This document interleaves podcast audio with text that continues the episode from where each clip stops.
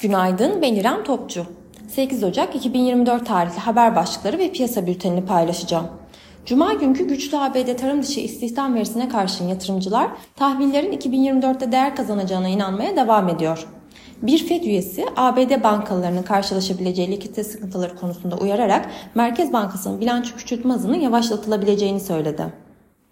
ABD Dışişleri Bakanı Blinken hafta sonunda Cumhurbaşkanı Erdoğan ile İsrail-Hamas savaşını görüştü.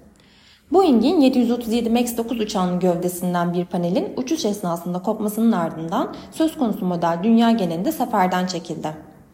Piyasalara genel olarak bakacak olursak pay piyasalarında alternatif sermaye piyasası araçlarının yüksek getiri potansiyeli, hisse senedi kredi faizlerinde yükseliş ve enflasyon muhasebesine ilişkin endişeler nedeniyle yabancı alımları gibi pozitif katalizörlere rağmen Borsa İstanbul'da zayıf görünüm devam ediyor.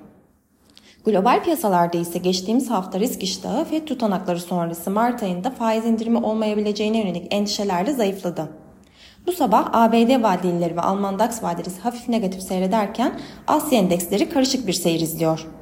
Teknik analiz verilerine bakacak olursak gün içinde 7590 ve altına gerileme alım fırsatı, 7790 ve üzerine yükseliş ise gün içi satış fırsatı olarak takip edilebilir. Viyop tarafında ise gün içi long pozisyonlar için 8605, short pozisyonlar için ise 8735 zarar kes seviyesi olarak izlenebilir. Borsa İstanbul'un ve endeks kontratının güne hafif pozitif eğilimle başlamasını bekliyoruz. Kazançlı günler dileriz.